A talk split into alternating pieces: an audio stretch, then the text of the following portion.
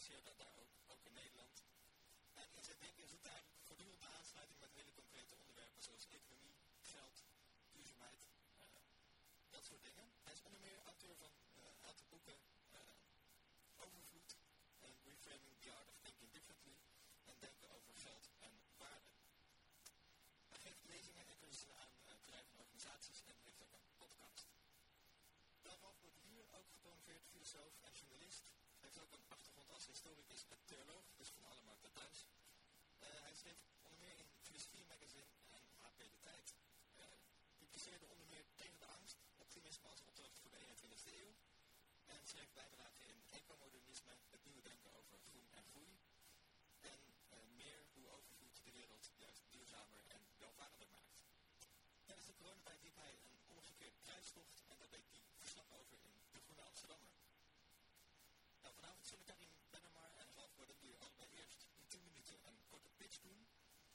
als jullie gesprek hebben en eh, daarna kunt u als publiek ook met hen in gesprek vanuit de zaal. Ik wil allereerst onder groot applaus het woord geven aan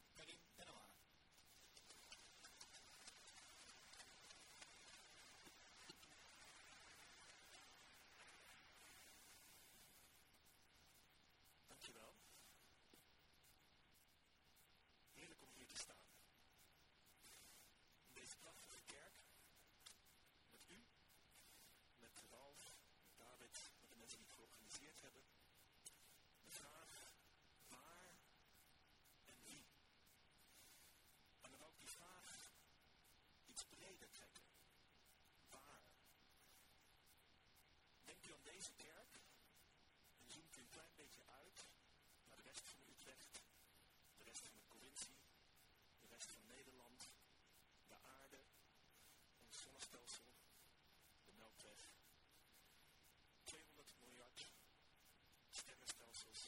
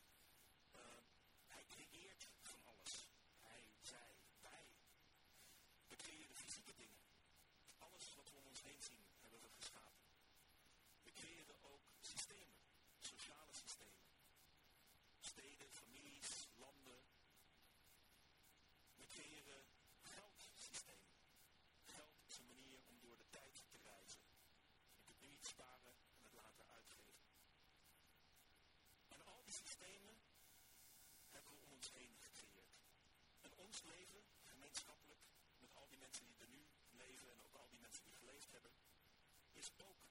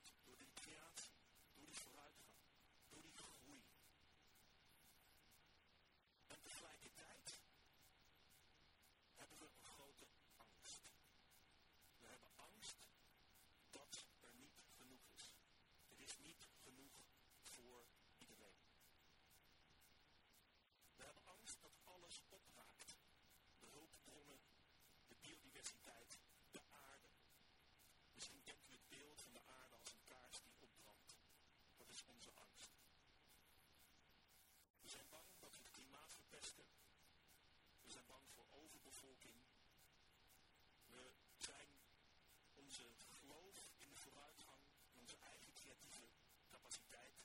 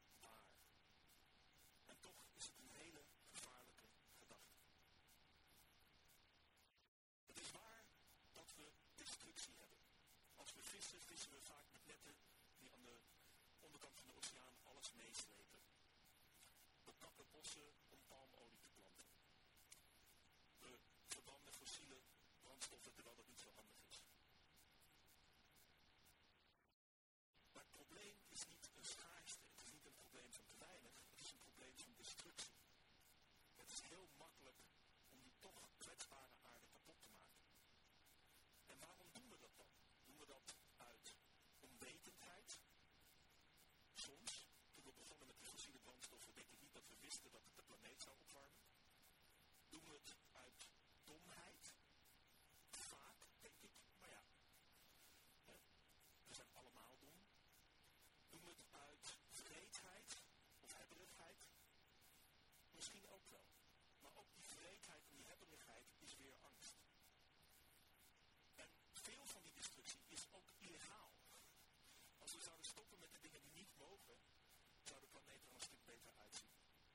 het veld. Maar de oplossing is niet minder produceren zoals we nu produceren, want dan gaan we nog steeds de aarde kapot maken, alleen wat langzamer. De oplossing is om radicaal anders te produceren. Om mee te liften met die groeipatronen die in de natuur zijn. Het leven is overvloedig, de natuur is overvloedig. Wij zijn onder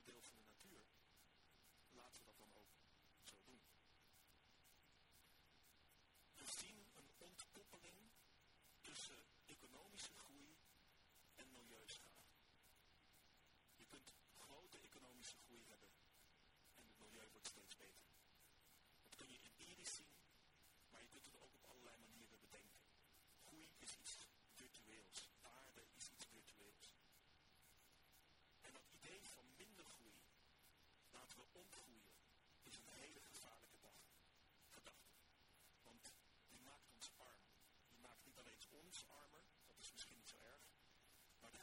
make you know, petrol armies, where all the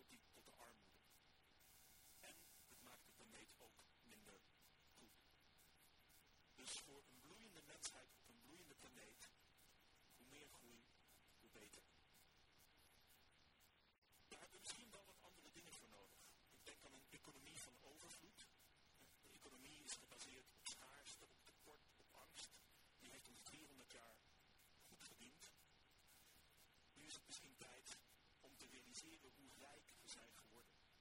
Om te realiseren dat we niks tekort komen. Dat als je zelf het gevoel hebt dat je teveel hebt, wij allemaal die hier zitten, zijn waarschijnlijk bij de 2 of 3 procent rijkste mensen op de aarde. Als wij het gevoel hebben dat we te veel hebben, kunnen we het altijd weggeven. Dat staat ons vrij. Want een consequentie van overvloed, als het gevoel is dat er onmetelijk veel is in het heelal, in het leven, in ons leven, kun je het ook weggeven.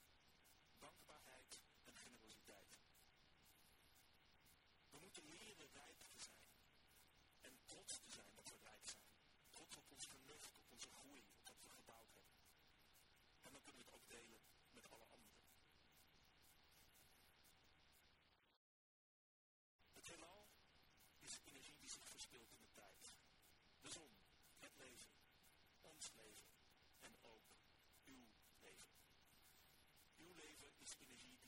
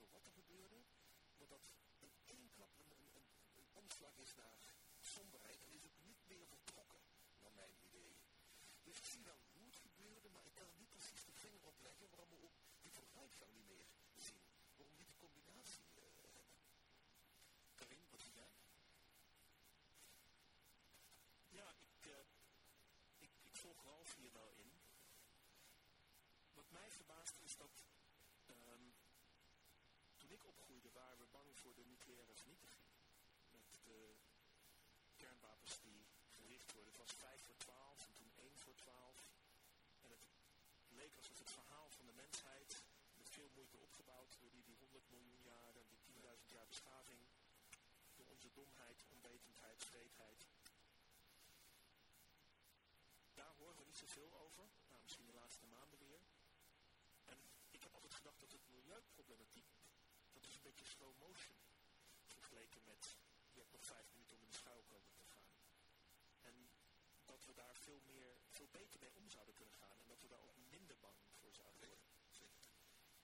Um, ik, denk wel dat het belangrijk is dat de effecten van de dingen die we uitgevonden hebben, radioactiviteit, plastic, allerlei spullen, de effecten op het milieu, de effecten ook op het klimaat, dat we die zijn gaan bestuderen, ondervinden.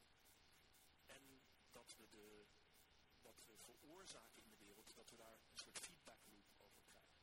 Dus dat, eh, dat is denk ik winst, dat is denk ik belangrijk. Ik denk dat we veel dingen uit ontwetendheid deden. Toen dat plastic uitgevonden werd, was dat een, ja, tovermiddel. Hè? Fantastisch. Alle kleuren kan het zijn, het is waterdicht. Eh, je kunt het in, alle mallen maken. Je kunt je een operatiekamer in een ziekenhuis niet voorstellen zonder plastic, rubber, dus de, ik zie de mensheid die een soort creatief zijn, een soort grenzeloos geloof heeft in zichzelf misschien. En die dan een soort in de knauw raakt door een gedeelte van die studie, door een belangrijk bericht. Ik ben een tijd ecologisch filosoof geweest, dus ik vond ook dat dat in de jaren tachtig dat geluid nog te weinig gehoord wordt.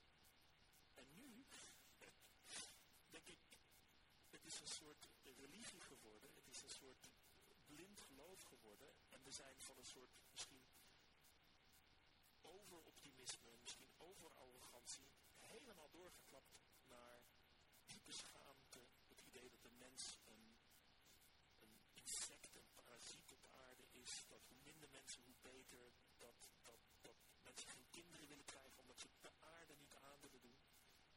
Ja, en dat, dat vind ik wel, ik observeer het en het verbaast me. Ralf, in jouw uh, boek, onder andere mede van jouw handzameling Maarten Drie, uh, meer, heet zo, uh, ga je onder andere in ook mensen die Karin nu aansnijdt, die vertelt over een bepaald pessimisme dat er overheerst. Daarbij uh, komt ook de dimensie van de media, toch hier een beetje belicht komt, zeg maar, ja. naar voren. Waarom is dat pessimisme nou juist zo, ja, zo dodelijk voor vooruitgangsdenken? Want waarom sluit het elkaar eigenlijk uit? Um, dat wij problemen aankaarten. Wij, ja, ik, ben, ik hoor ook bij de media. Dus dat is goed om, uh, om te melden. Ik schrijf al, al 30, 40 jaar voor kranten en tijdschriften. Um, het is uitstekend dat de media problemen aankaarten. Daar is de media ook voor op aarde natuurlijk. Het punt is dat wij, ik ga toch even terug in de geschiedenis, als wij in 1970 bij ons het Limburgs Dagblad lazen of hier het Utrechts Nieuwsblad, je las vooral iets wat gebeurde in de stad zelf, in Utrecht. En als er een, een, een bij het Neude een, auto-ongeval was, dan wist je, dat is dramatisch, want iemand is gestorven, maar in die en die wijk hebben nog jarenlang geen dodelijke ongevallen meer gehad. En je kon dus dat nieuws kon je plaatsen. Want je kende de lokale, de stedelijke, de regionale situatie. Dat is natuurlijk niet meer. Vandaag krijg je uh, real-time uh, op je telefoon als er weer een bom ontploft in Mariupol. Als er hongersnood is op Madagaskar en weet, ik veel. En we hebben niet als mens het overzicht over het geheel om dit soort jobstijdingen te plaatsen. En dus eventueel te relativeren. En relativeren betekent dus in een context te zetten, te relateren aan iets anders. Dus vroeger werden wij veel minder in de media. Nou, er waren natuurlijk veel minder media, hè. We hadden één zender op de, op de radio, op tv. Um, de media die er waren, dat was van media over lokaal, regionaal en, en landelijk nieuws.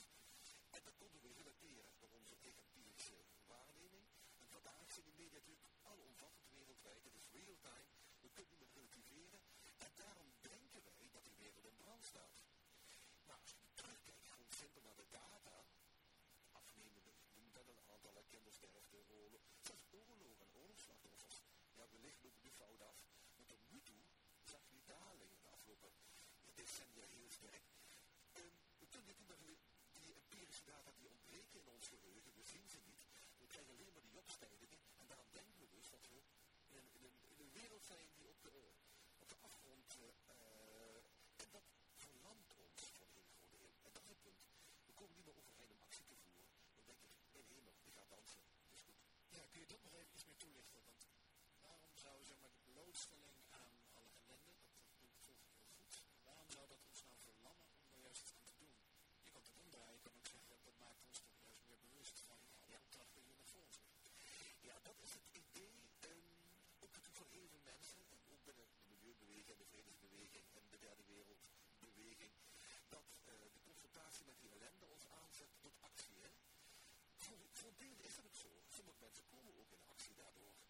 Maar als het zo ontzettend als je niet weet waar je aan moet beginnen, als je uh, alleen maar hoort dat die klimaatverandering toeneemt, dat die diersoorten miljoenen tegelijk op uitsterven staan, ja, ik kan er wel een, een vogelkastje ophangen of een bijenkastje, maar je beseft, het is natuurlijk maar een, niet een druppel op een, uh, op een roofbui.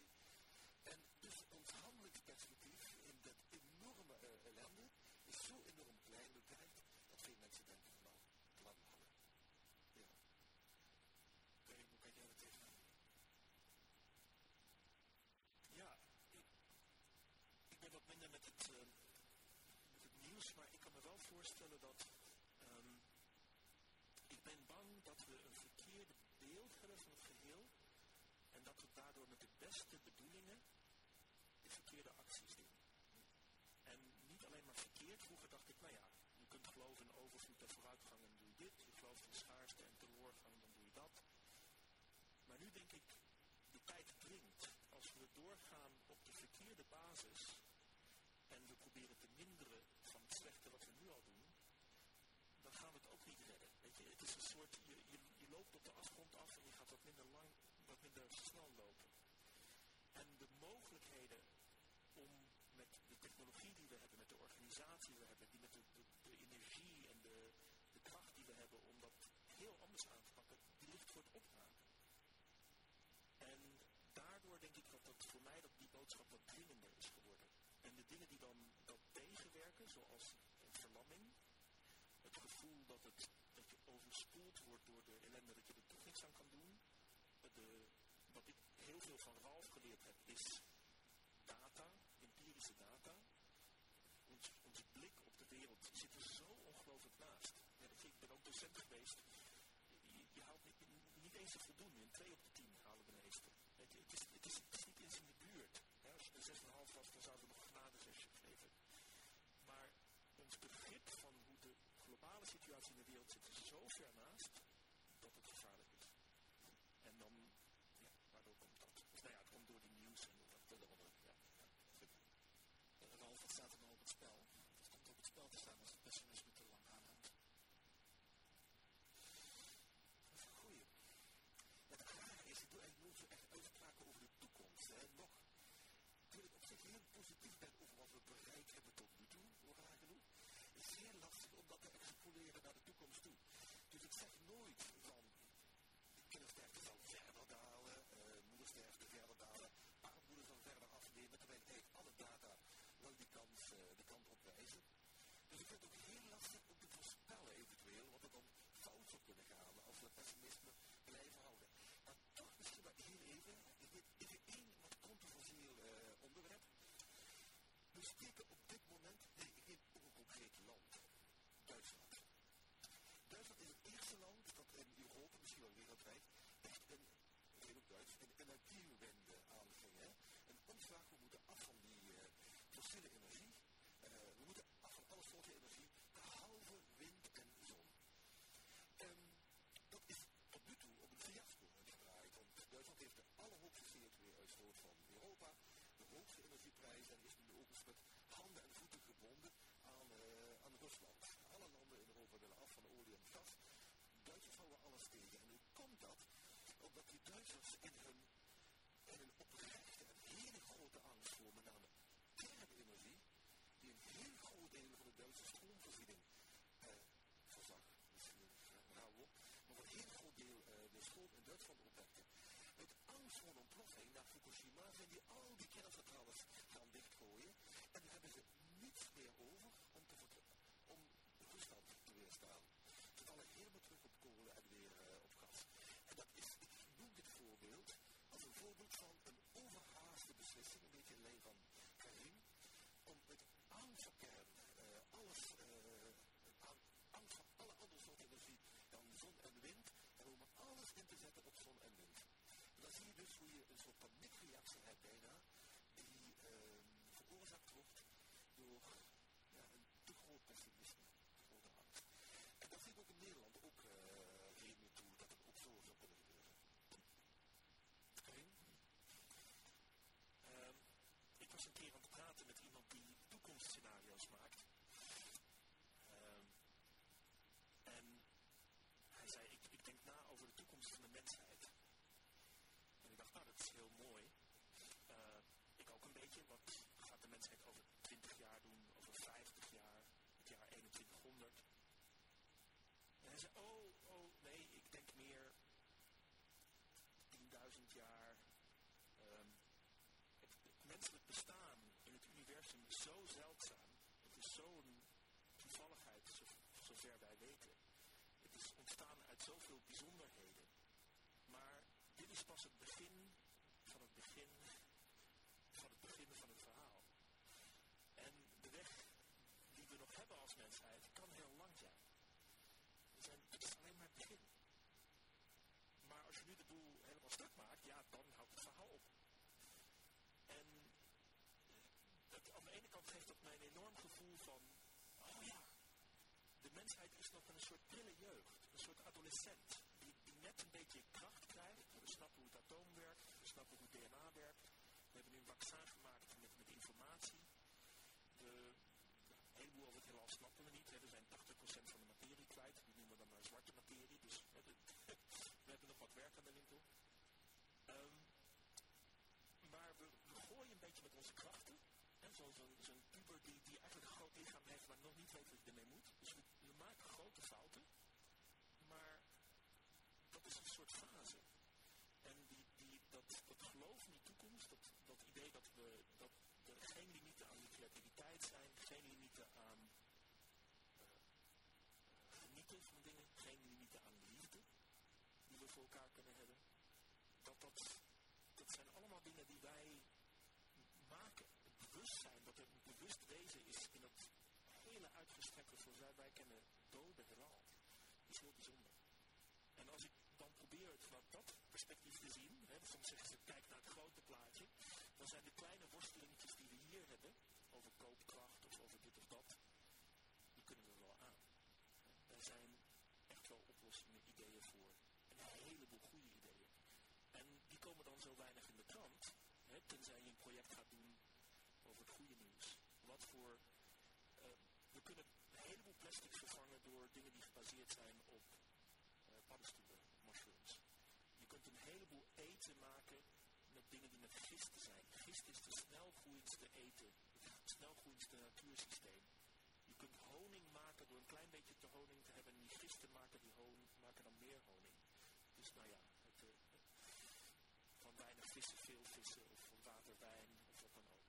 Maar dus die, die, kracht in die overvloed, die kracht in die schepping is zo groot dat we ook daar maar eigenlijk nog een soort pril begin zijn. En mag ik even een antwoord op? Uh, ja, ik, ik zie het ook zo trouwens. We staan nu de wereld en de aarde 4 miljard jaar, althans dat schat men. We zijn pas als mensen zo'n 3000 jaar bezig, dat is niks.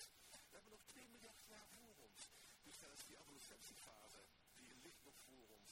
We zitten nog echt in de luiers, zou ik zeggen. En uh, als je denkt ook, aan de andere kant, we vernietigen, maar we lossen ook veel dingen op. Neem de plastic soep, hè, dat is een groot probleem uh, in die oceaan.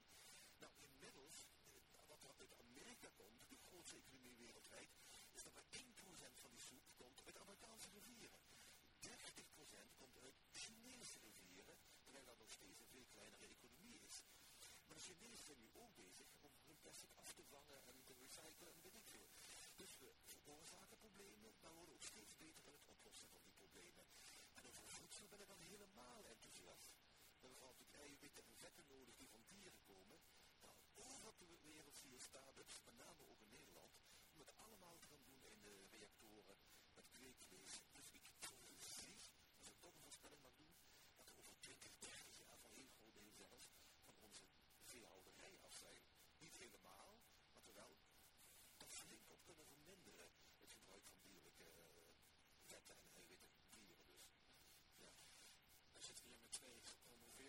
sofa.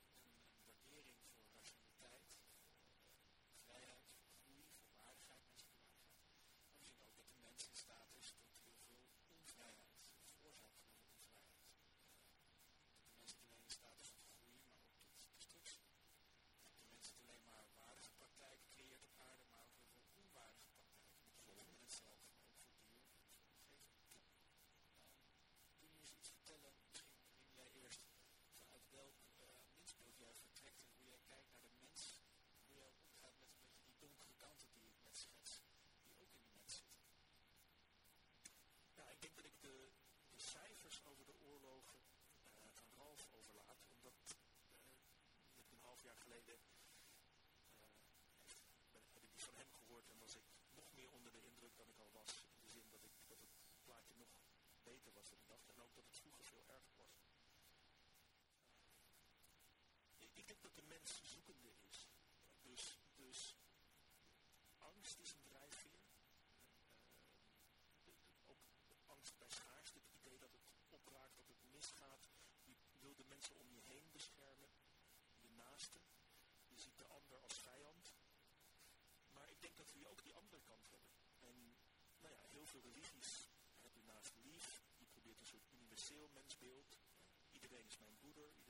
Ik kan niet gelukkig zijn totdat, uh, of ik kan wel gelukkig zijn, maar uh, het lot van iedereen op aarde gaat mij aan. Je hebt in de, in de boeddhistische traditie heb je de bodhisattva. En de bodhisattva is een wezen die verlichting kan krijgen. Dus los kan komen van die wedergeboorte en het lijden, zeg maar. Maar die besluit, uh, ik ga pas naar mijn eigen verlichting als alle anderen eerst heeft gegaan. Nou, ik blijf wel even wachten tot iedereen dat bereikt heeft. Ja, en dat, dat die capaciteit die wij hebben om, om iedereen lief te hebben, om ons het, het lot van de wereld en het lot vooral van de armsten en de, om, dat ons aan te doen en te denken, alle voordelen die ik gehad heb in mijn leven, niet alleen ik persoonlijk, maar door in een welvarend land te leven, door op dit moment in de geschiedenis en zo. Er is zoveel meer dan ik nodig heb en dat kan ik allemaal delen. Dus die kant zie ik ook. En nou dan weer even terug op Oekraïne. Ja, je kunt het verhaal ook zo vertellen dat je ziet dat het niet meer geaccepteerd wordt. Dus de, het idee, we gaan een land binnenvallen en we pakken het gewoon af met wapens. Je, ziet dat daar van alles tegen gemobiliseerd wordt. Heel even kort, om, om toch een soort filosofische bron te geven. Dat idee van overvloed komt voor mij van een filosoof die Georges Bataille heet, een Franse denker. Hij neemt het ook weer een beetje van Friedrich Nietzsche. Het idee van die, die zonder overvloed. Maar dat idee um, dat. Uh, er is een andere Franse filosoof die heet Luc Ferry. En die heeft ook een boeken geschreven over het feit. Hij zegt: We hebben van de laatste 50 jaar van God eigenlijk een mens gemaakt. In de zin dat we God allerlei menselijke kwaliteiten zijn gegeven. We hebben minder goddelijk gemaakt. En we hebben van de mens een God gemaakt. L'homme Dieu, mens-God. En wat bedoelt hij daarmee? Is dat we elk mensenleven belangrijk zijn gaan vinden. Elk mensenleven doet ertoe. Weet nog dat toen wij uh, mensen in Afghanistan hadden die vochten, dat als er iemand sneuvelde bij een bermbom, dat hij met naam en toenaam op het, in, in de, in, op het nieuws kwam. Dat het, het verlies van één leven, dat dat ertoe deed. En dan kan ik het aan jou geven met hoe we vroeger miljoenen mensen voor een ideaal lieten sterven, verhongeren, doodmaakten. En we zijn, dat is niet meer acceptabel. In, in de Eerste Wereldoorlog, zijn dan cijfers die ik weet, werden er op, een, één dag 150.000 mensen de dood ingejaagd. 18-jarigen, 19-jarigen. Voor luttelijk meters terreinwinst. Dat zou nu niet meer kunnen.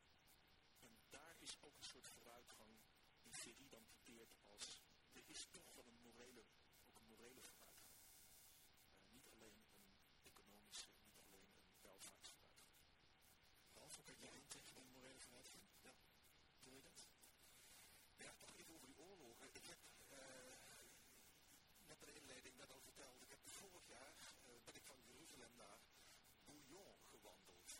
wat een lastige wandeling, wat het was iets met een virus. en ik bedoelde om iedereen van elkaar af te houden, maar ik ben natuurlijk door naar heen. En ehm, ik heb daarmee de eerste kruistocht van Godfried van Bouillon, 1096, in omgekeerde richting. Die Godfried van Bouillon naar Jeruzalem om daar het christendom te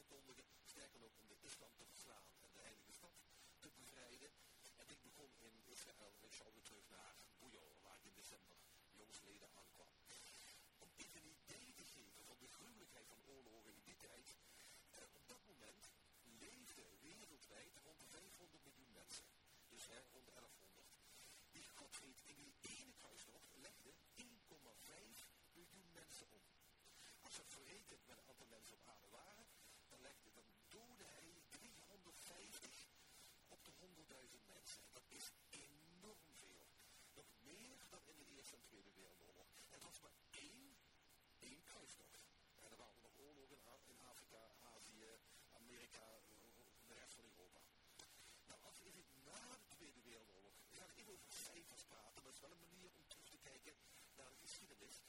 als we in de jaren 50 zitten van de vorige eeuw, dan komen we ongeveer per 100.000, dus dat God schiet 350 mensen op de 100.000. In de jaren 50 komen op 22 mensen op de 100.000 uit. In de jaren 80 komen op 7 mensen op de 100.000 uit. In de jaren 10 van, deze eeuw zitten we op minder dan 1 op de 100.000. Dat zal nu de oorlog in Oekraïne gaan, gaan stijgen, want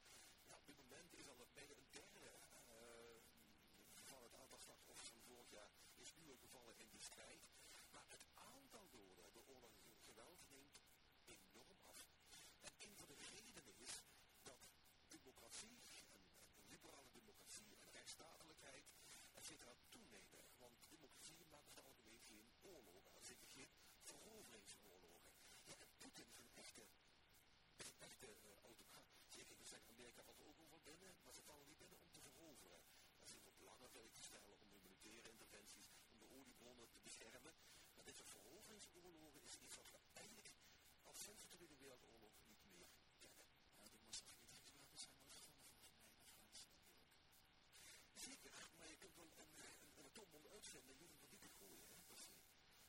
Dus, die, die wapens, we hadden 16.000 kernwapens in de jaren 80. Die zijn nu gereduceerd tot 10.000 Dus de andere 50.000 zijn allemaal opgestoken in de kerncentrales. We hebben stroom en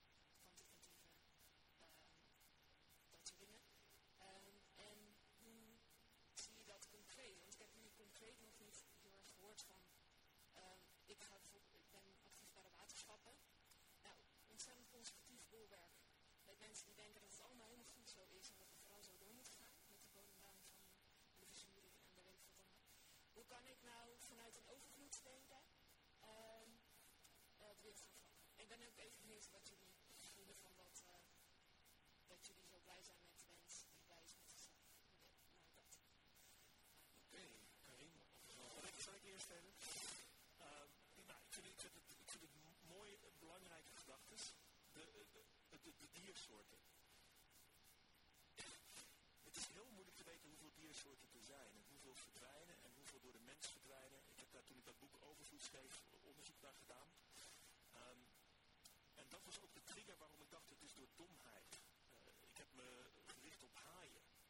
Eh, er worden kennelijk 70 miljoen haaien per jaar gedood, vooral voor hun zinnen. Want ze eten ze niet, alleen voor die zinnen. Die zinnen worden gebruikt voor Chinese zinnensoep. En het verandert de smaak van de soep niet. Het zorgt alleen maar dat de soep op een andere manier gebonden wordt. Maar het geeft wel heel veel status. Dus de haai is ongeveer 200 miljoen jaar al niet veranderd. Dat is een evolutionair, een, fantastisch dier. Een groot succesverhaal in de, diersoorten. Uh, reproduceert zich heel langzaam, omdat hij ja, geen vijanden heeft. En wij gaan het kapot maken voor iets compleet onbenulligs. Maar het moeilijke is ook dat we niet precies weten hoeveel haaien we doodmaken en ook niet hoeveel er zijn. Eh, heel veel kennis ontbreekt dus ja, de, de diersoorten gaan achteruit vanwege de, de, de habitat wordt eh, vernietigd enzovoort enzovoort. Het overvloedsdenken zegt dan, je hebt voor mooie landbouw heb je niet de hele aarde nodig. Er zullen plekken zijn die je met rust laat, er zullen zijn plekken die je, waar je een soort hek omheen zet en zit dit is natuur. Ehm, er zijn plekken die, waar experimenten gebeuren. Eh, Nederland is daar op zichzelf een goed voorbeeld van, want wat wij natuur noemen is eigenlijk een park park. Ehm, de bossen waardoor wij lopen zijn parken. Ehm, en ik realiseer me dat toen ik in de Amazone was, een keer in Manaus, gingen we met zo'n bootje door de Amazone. En de Amazone is best luidruchtig.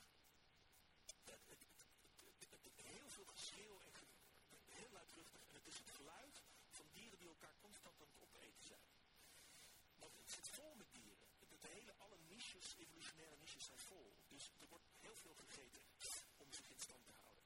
Misschien kennen jullie de film eh, The Biggest Little Farm, waar ze met de monocultuur beginnen. En dan elk jaar krijgen ze weer een soort eh, plaag, want er is er één dier wat zich enorm vermenigvuldigt. En dan zoeken ze weer de vijand van dat dier. En aan het eind krijg je een soort, na zeven jaar krijg je zo'n eh, een, boerderij waar alles elkaar opeet. En wat heel rijk is, vergeleken met die monocultuur van die bomen met dat vergif. uiteindelijk, ja, als je die, die, die, die wedstrijd kapot maakt, dan doe je dat uit domheid, onwetendheid, sleepheid. Het, hoeft niet. Je doet het niet omdat de mens zoveel ruimte nodig heeft of zoveel moet eten, dat je dat alleen maar kan door alle dieren dood te maken. Dat, is thuis de fout. En kijk, zolang je het uit onwetendheid doet, heb je nog een excuus. Als je het heel lang dom blijft doodgaan, dan is het, vind ik het geweldig dat jonge mensen zich inzetten om dit dier te redden, om de biodiversiteit te redden. Ik, ik steun nou, uh, de, de, de, Extinction Rebellion ben ik een enorme fan van, want ik denk dat dat, dat uh, het aankaarten van die problemen, dat dat superbelangrijk is.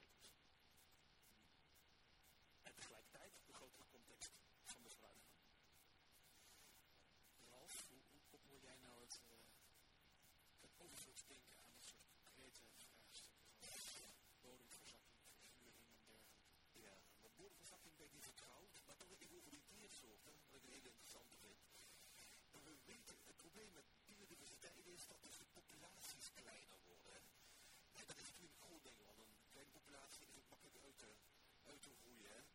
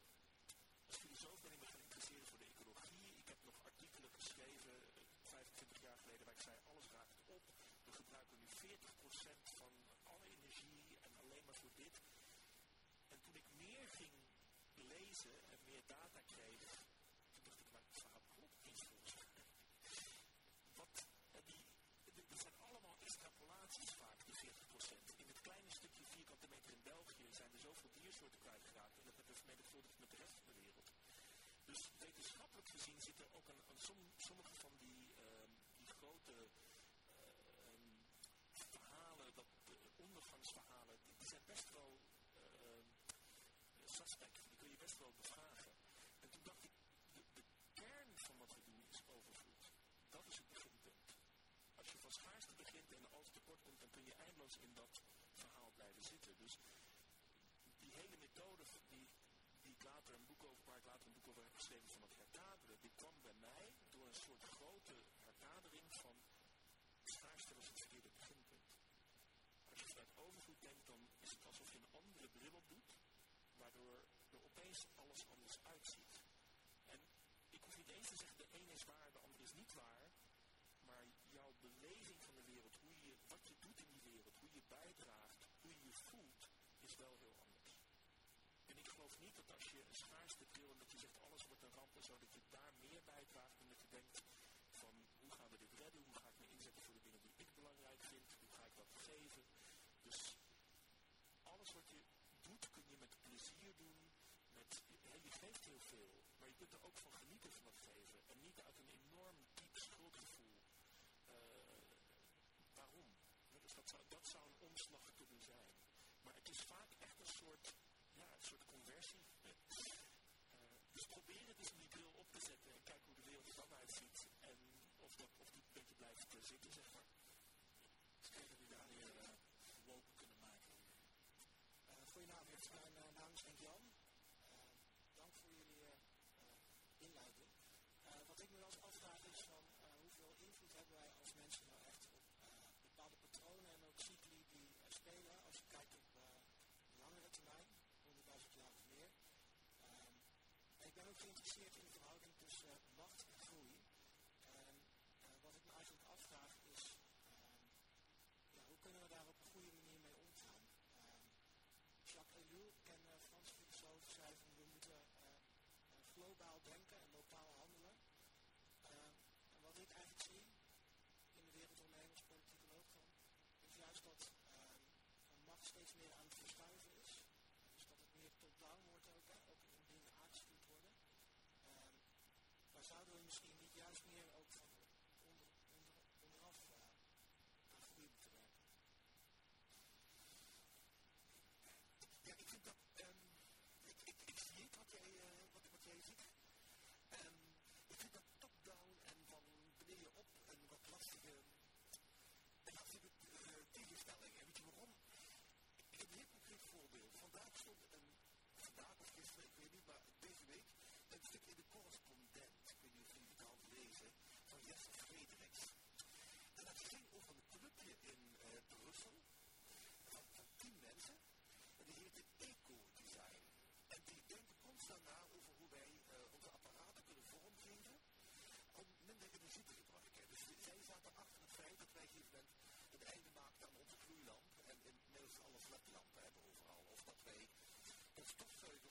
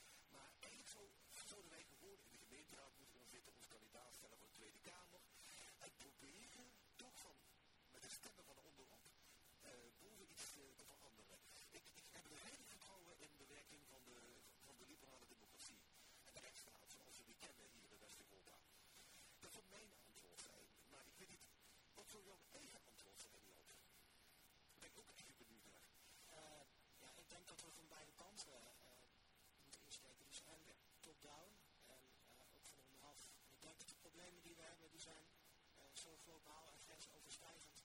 Dat ik heel goed snap ook dat die top-down aanpak uh, ja, voor de hand ligt.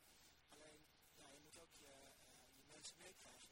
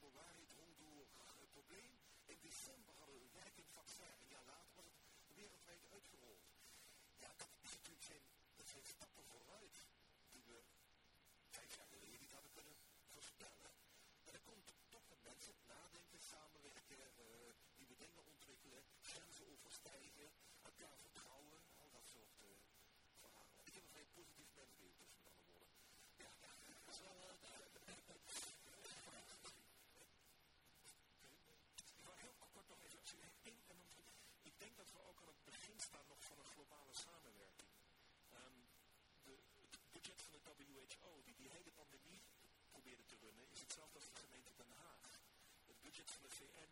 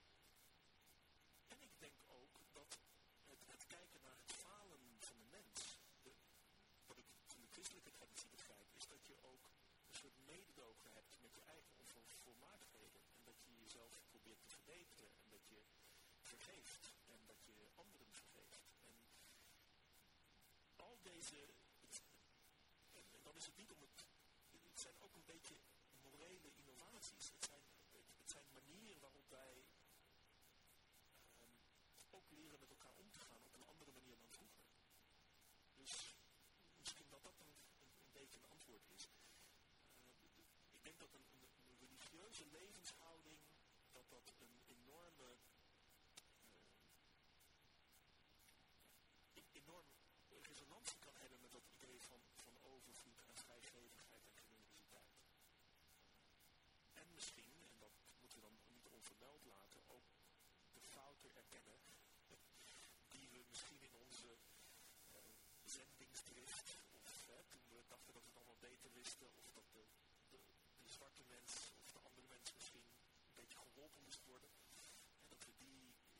we daar ook realiseren dat we dat misschien uit een, uit een mensbeeld dat we nu niet meer aanhouden zijn. Maar het hoeft ook niet de eerste keer goed.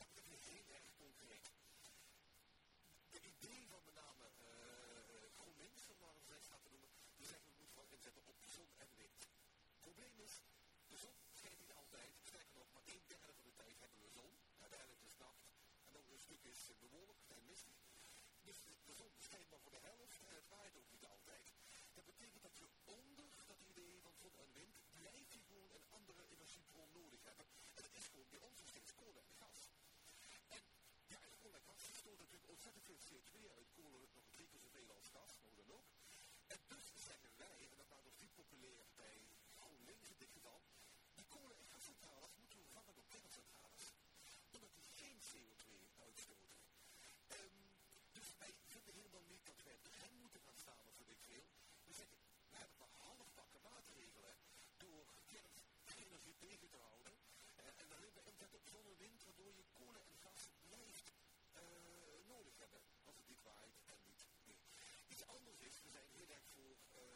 modificatie van planten. Daar zijn ook veel biologische en GroenLinks eh, uh, ook tegen. Maar als we in een plant een gen kunnen bouwen, bouwen dat bepaalde insecten van dat die planten afhoudt, hoeven we die weer zoveel te spuiten. Dus deze modificatie van planten kan het gebruik van pesticiden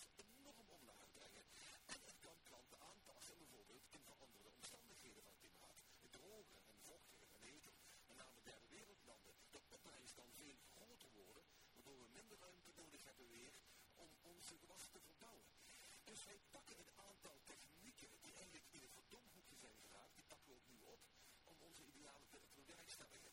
Maar we delen volledig de waarden of de uitgangspunten van de milieubeweging van GroenLinks, om het zo te noemen. Alleen onze middelen zijn veel meer, ja, vinden wij althans, doortastender en meer op de toekomst gericht dan uh, de romantische verhalen die er vaak omheen hangen. Maar dan kwam het ook even goed voor vliegen voorbij. Kan je daar nog even ingaan, Ralf? Je natuurlijk ook eerder dat het uh, ja, oversteken houdt ook in welvaart voor de wereld. Ja, ja, vind ik een hele mooie. Een van onze, het boekje pak ik bijna nu, maar in het boekje Meer heeft een van onze auteurs, Hidi Boersma, uh, betoogd hoe belangrijk het is als wij elkaar ontmoeten wereldwijd. Want de samenwerking tussen mensen is natuurlijk van enorm belang. Het heet ook voor de vaccinwerkzorg bijvoorbeeld. Dus we moeten niet zozeer inzetten. Nou, we vinden ook trouwens dat in Europa niet moet vliegen. Je moet gewoon de trein pakken of de bus zijn. Maar om het vliegen nu volledig tegen te gaan, we, we zetten veel meer in, ook hier weer, toch op technologische uh, vooruitgang. En de in de Economist volgens mij een verhaal dat het eerste vliegtuig nu ontwikkeld was dat niet op fossiele brandstof vloog. Ja, dat is toch de reden waar we naartoe moeten, naar mijn uh, idee. Eerst even. Ja, dan moet ik misschien het beeld even verstoren met uh, vraag ik ook met wat kennis. Je maakt bijvoorbeeld elektrisch vliegen of zo. Dat, bijvoorbeeld, ja, dat kun je zo ja. bijvoorbeeld elektrisch vliegen. Hè. Uh, elke expert die daarover spreekt, die zegt, het staat nu de. En ook op termijn is het niet realistisch om echt lange afstandsvluchten met, met een elektrisch bijvoorbeeld te doen. Volgens mij, voor dat is heel makkelijk om te zeggen, ah, die technologie. Maar er is tegelijkertijd ook een crisis gaande. Dus daar schuurt het bij mij een beetje. Het is niet te makkelijk om maar te zeggen, oh, technologie, en dan maar hopen dat het ooit een keer lukt. Terwijl de praktijk van soms laat zien dat soms dingen simpelweg niet kunnen. Ik mag nog even over dat vliegen, want ik, wat ik, waar ik verrast door ben, is door naar de data te kijken. Uh, vliegen is wereldwijd verantwoordelijk voor 2% van de uitstoot. En dat is met cargo, dat is met vervoer van goederen. Passagiersvliegtuigen, alle vliegtuigen ter wereld voor de pandemie was 1%. Het feit dat we nu in SUV's rijden wereldwijd, is ongeveer dezelfde extra gebruik van, van fossiele brandstof als al die vliegtuigen. Dus omdat wij graag wat hoger willen zitten in onze auto's en meer wind willen vangen, dat, daar heb ik het over. He? Je kunt uh, CO2 op een gegeven moment uh, af gaan vangen met allerlei methodes. Daar is ook heel veel tegen te zeggen, daar ben ik het helemaal mee eens. Maar het, het, wat ik gevaarlijk vind, is dat we ons focussen op vliegschaamte, vliegangst, treintrots. Dat we een, een complex probleem waar heel veel oplossingen zijn, waar iedereen aan moet meewerken, uh, veranderen in één ding waar we ons schuldig over gaan voelen, waar we elkaar de maat gaan aanmeten van, oh, jij vliegt. En dat we daardoor al die energie en schaamte en schuld daarin stoppen en het echte probleem ook niet oplossen. He, door een beetje minder te vliegen. Want tegelijkertijd rijden we weer in die grotere auto's. Dus de, ik, ik, ik, ik denk aan een toekomst waarin hoe vaker we vliegen, hoe beter de wereld gaat worden. Dat is de doelstelling. En dan kijken hoe we dat gaan doen. En ik, ik weet dat we niet altijd kunnen zeggen, technologie lost alles op. Maar ik ben het helemaal met uh, Ralf eens dat we veel te voorzichtig zijn. Ik probeer de linkse mensen, de linkse ecologen links in te halen. We moeten veel meer belasting betalen. We moeten veel meer geld aan de armen geven. We moeten veel meer geld investeren in de belangrijke technologieën. We geven nog steeds veel meer subsidie aan fossiele brandstoffen dan aan, aan schone bronnen. Dus waar zijn we mee bezig? Dus laten we eerst eens kijken wat we allemaal fout en dom doen. En daar valt gelijk heel veel te halen. En dan, dan blijven er misschien dingen over. Hè, ben ik helemaal met je eens. En dan hebben we dat gesprek verder. Maar het gevaar zit dat we, dat we elkaar gek maken met iets wat niet het echte verhaal is. Ga één ding op, op aanvullen. In 2020, de coronacrisis breekt los. Ik moest mijn thuistocht afbreken en kwam terug naar Nederland. We zitten in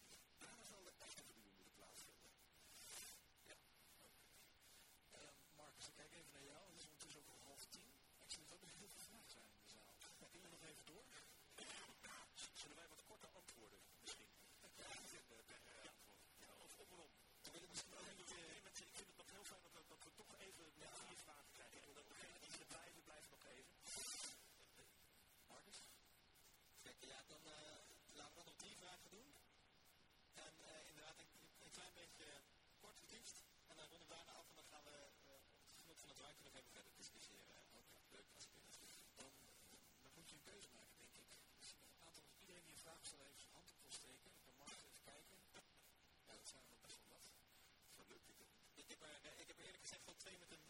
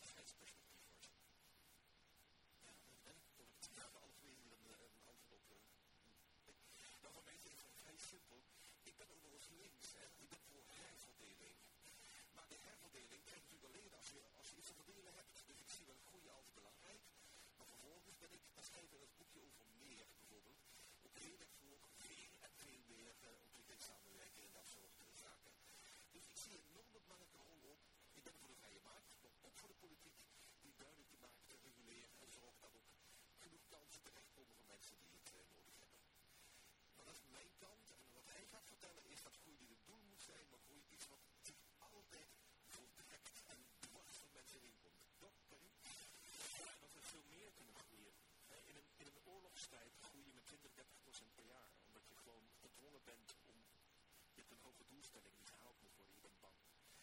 Waarom kunnen we niet met 20 of 30% goede in hè, om de technologie te veranderen, om de mensen te helpen en dat soort dingen. Dus we zijn te voorzichtig.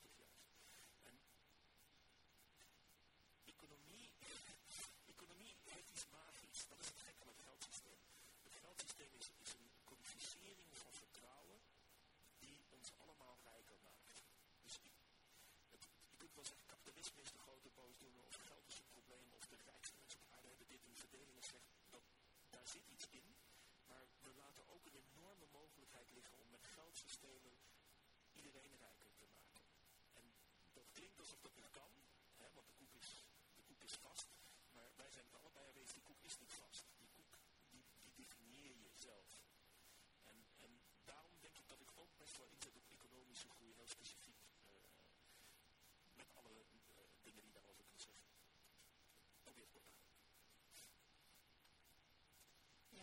Mijn naam is uh, ik had een vraag over eh, vorig jaar mee te maken. hoe definieer je nu precies groei? Is dat vernedering? Of is dat tot je doel komen bijvoorbeeld? Als je kijkt naar een plant, die groeit en dan gaat die bloeien. Uiteindelijk gaat die ook weer dood. Maar is wat ik bedoel? Dat, dat is een andere manier van groei dan vermeerderen. Dus waar hebben jullie het precies over? Of, ik ga het niet om het doel in die optiek, maar gaat het om het proces zelf? Ook, maar ja, ik denk dat, dat, dat groei ook noodzakelijk is, omdat het werk nog niet, eh, nog niet af is. Dus er is nog zoveel armoede, er is nog zoveel dingen die, die met, met specifiek economische groei op te lossen zijn, dat ik ook die definitie van economische groei gewoon economisch laat. Maar filosofisch gezien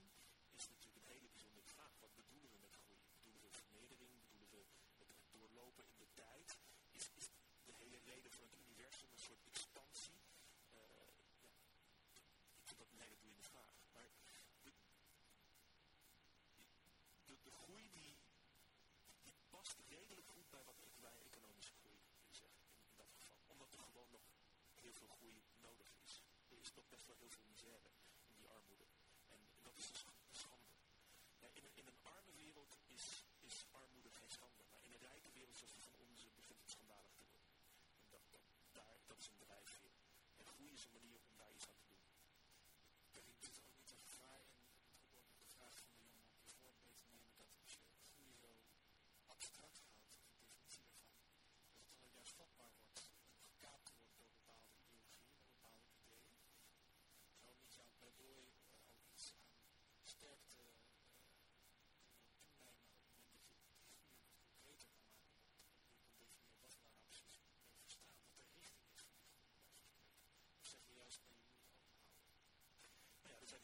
bestaanssystemen en definities van de VN, de indicators, waar je ook dingen meeneemt zoals vrijheid en, en mogelijkheden tot ontwikkelingen.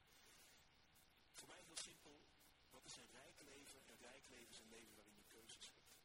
Keuze eh, wat je met je leven gaat doen, met wie en op welke manier. En dat voor mij is de reden om rijk te worden. en eh, waarom wil je dan een leven met keuzes? Is dat beter dan een leven zonder keuzes? Ja. En op een gegeven moment is dat een, voorkeur die ik heb. En ik denk dat ik hebben. Maar als mensen dat niet vinden, ook goed. Dus, dus, je kunt, je kunt de, Global Happiness Index nemen, je kunt het, GDP nemen, BNP, je kunt de, de, VN-dingen nemen. De vraag is, ben je voor groei van al deze dingen? Of vind je dat we met